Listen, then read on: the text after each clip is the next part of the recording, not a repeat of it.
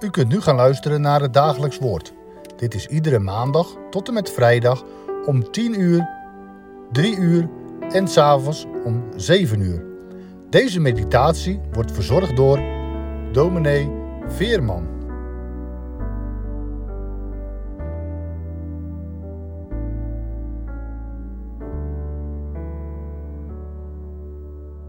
Beste luisteraars, we lezen verder in het Bijbelboek Nahum.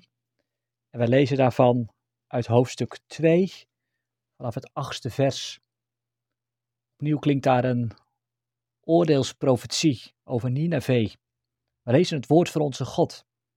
De last van Nineveh, zoals die komt tot Nahum. Nineveh is vanaf de dagen dat het bestaat als een watervijver maar nu slaan zij op de vlucht. Blijf staan, blijf staan. Maar niemand keert zich om. Roof zilver, roof goud.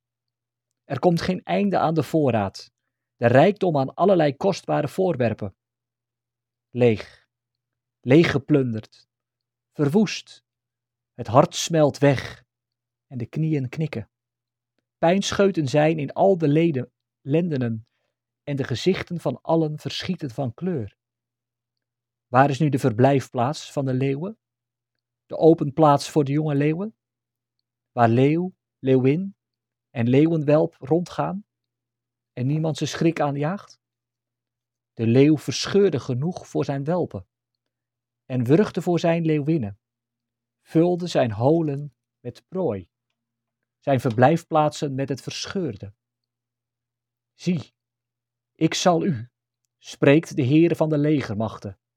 Ik zal haar strijdwagens in rook doen opgaan en verbranden.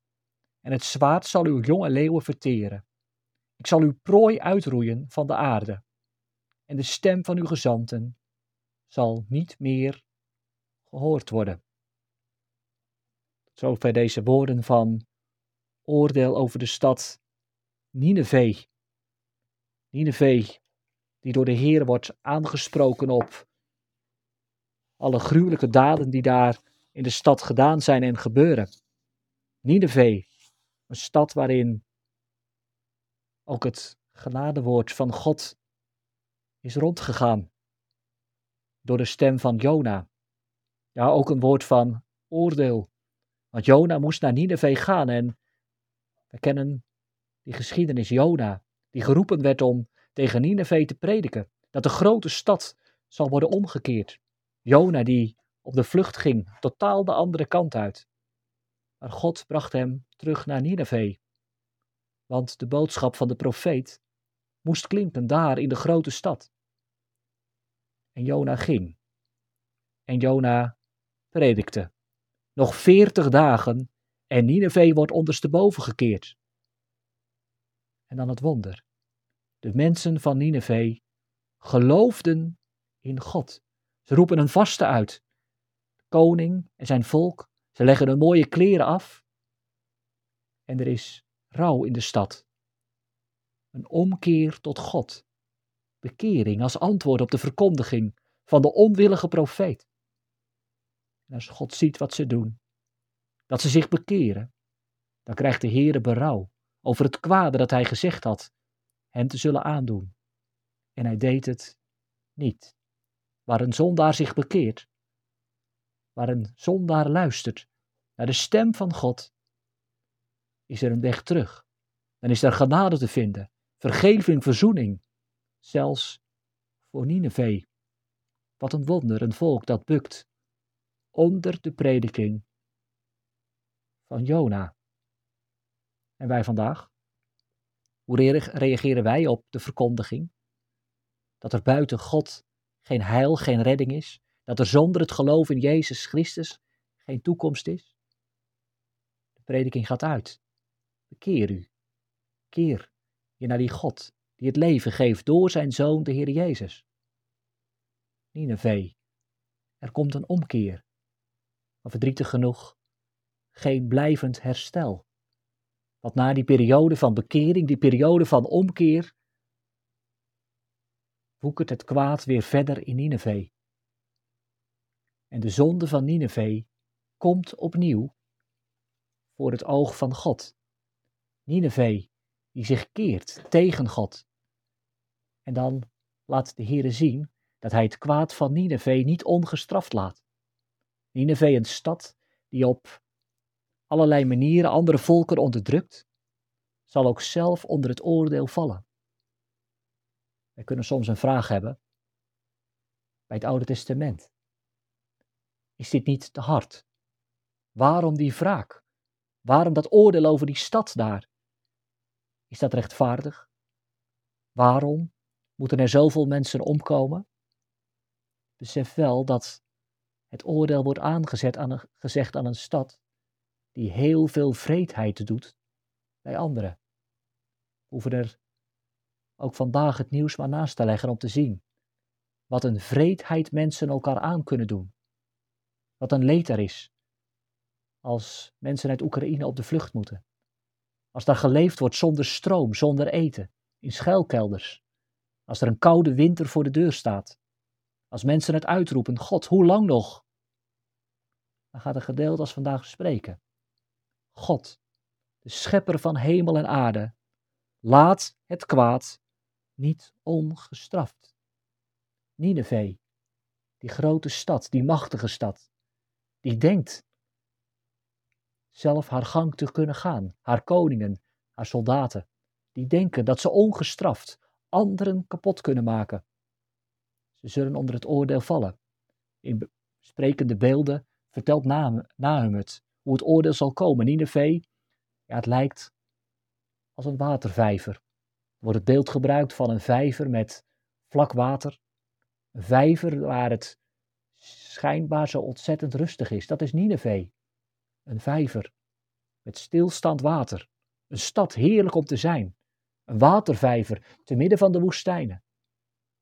Maar over deze stad zal het oordeel komen. De mensen, ze zullen op de vlucht moeten gaan. Aan alle kanten zullen ze de stad ontvluchten.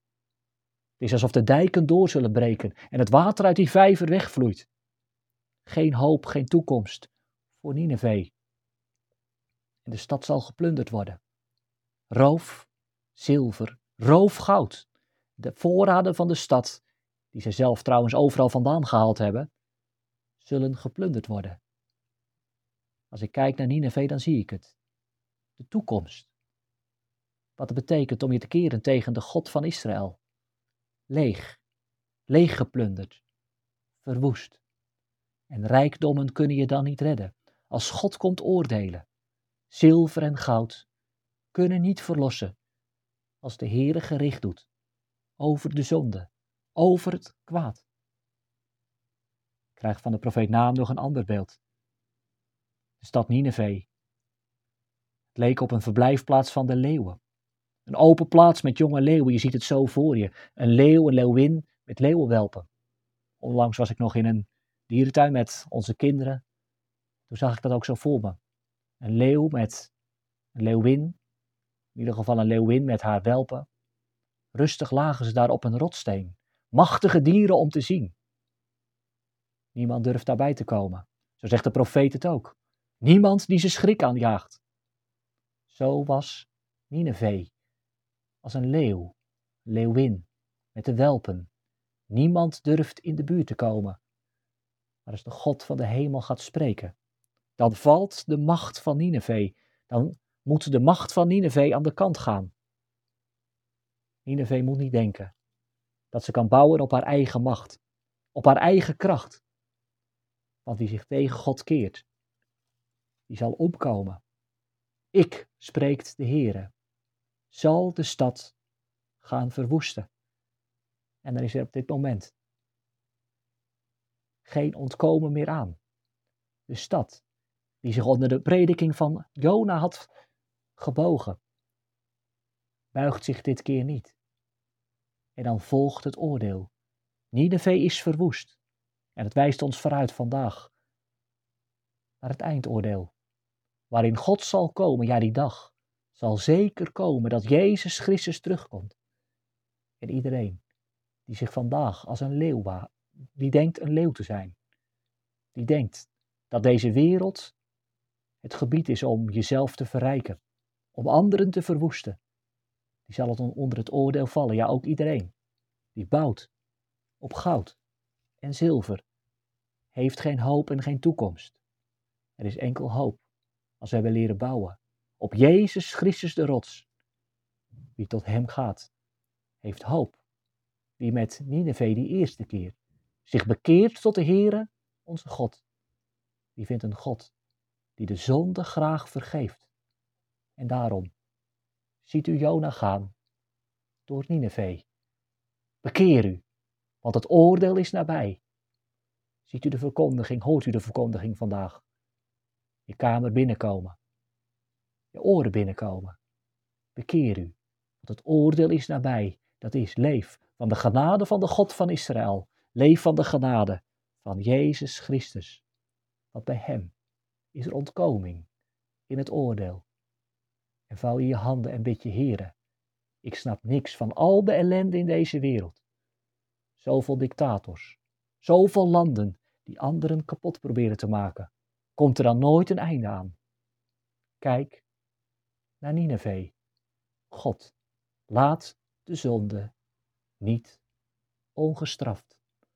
Amen. We zullen bidden. God van Abraham, Isaac en Jacob. U die het oordeel aanzegt aan Nineveh. Aan al die machten en krachten die zich tegen u verzetten. Aan allen die zich keren tegen uw gezalfde Zoon, Jezus Christus. Heren, wij bidden u om genade. Zie ons aan in uw Zoon, de Heer Jezus. Geef vrede op deze wereld en geef ook dat wij mogen leven van uw vrede. Doe recht in Oekraïne, in Syrië, in Afrika, op al die plaatsen waar leeuwen hun gang denken te kunnen gaan. Verbreek de werken van de boze en kom met uw koninkrijk. Dat bidden wij, Maranatha. Kom, Heer Jezus, kom haastig. Amen.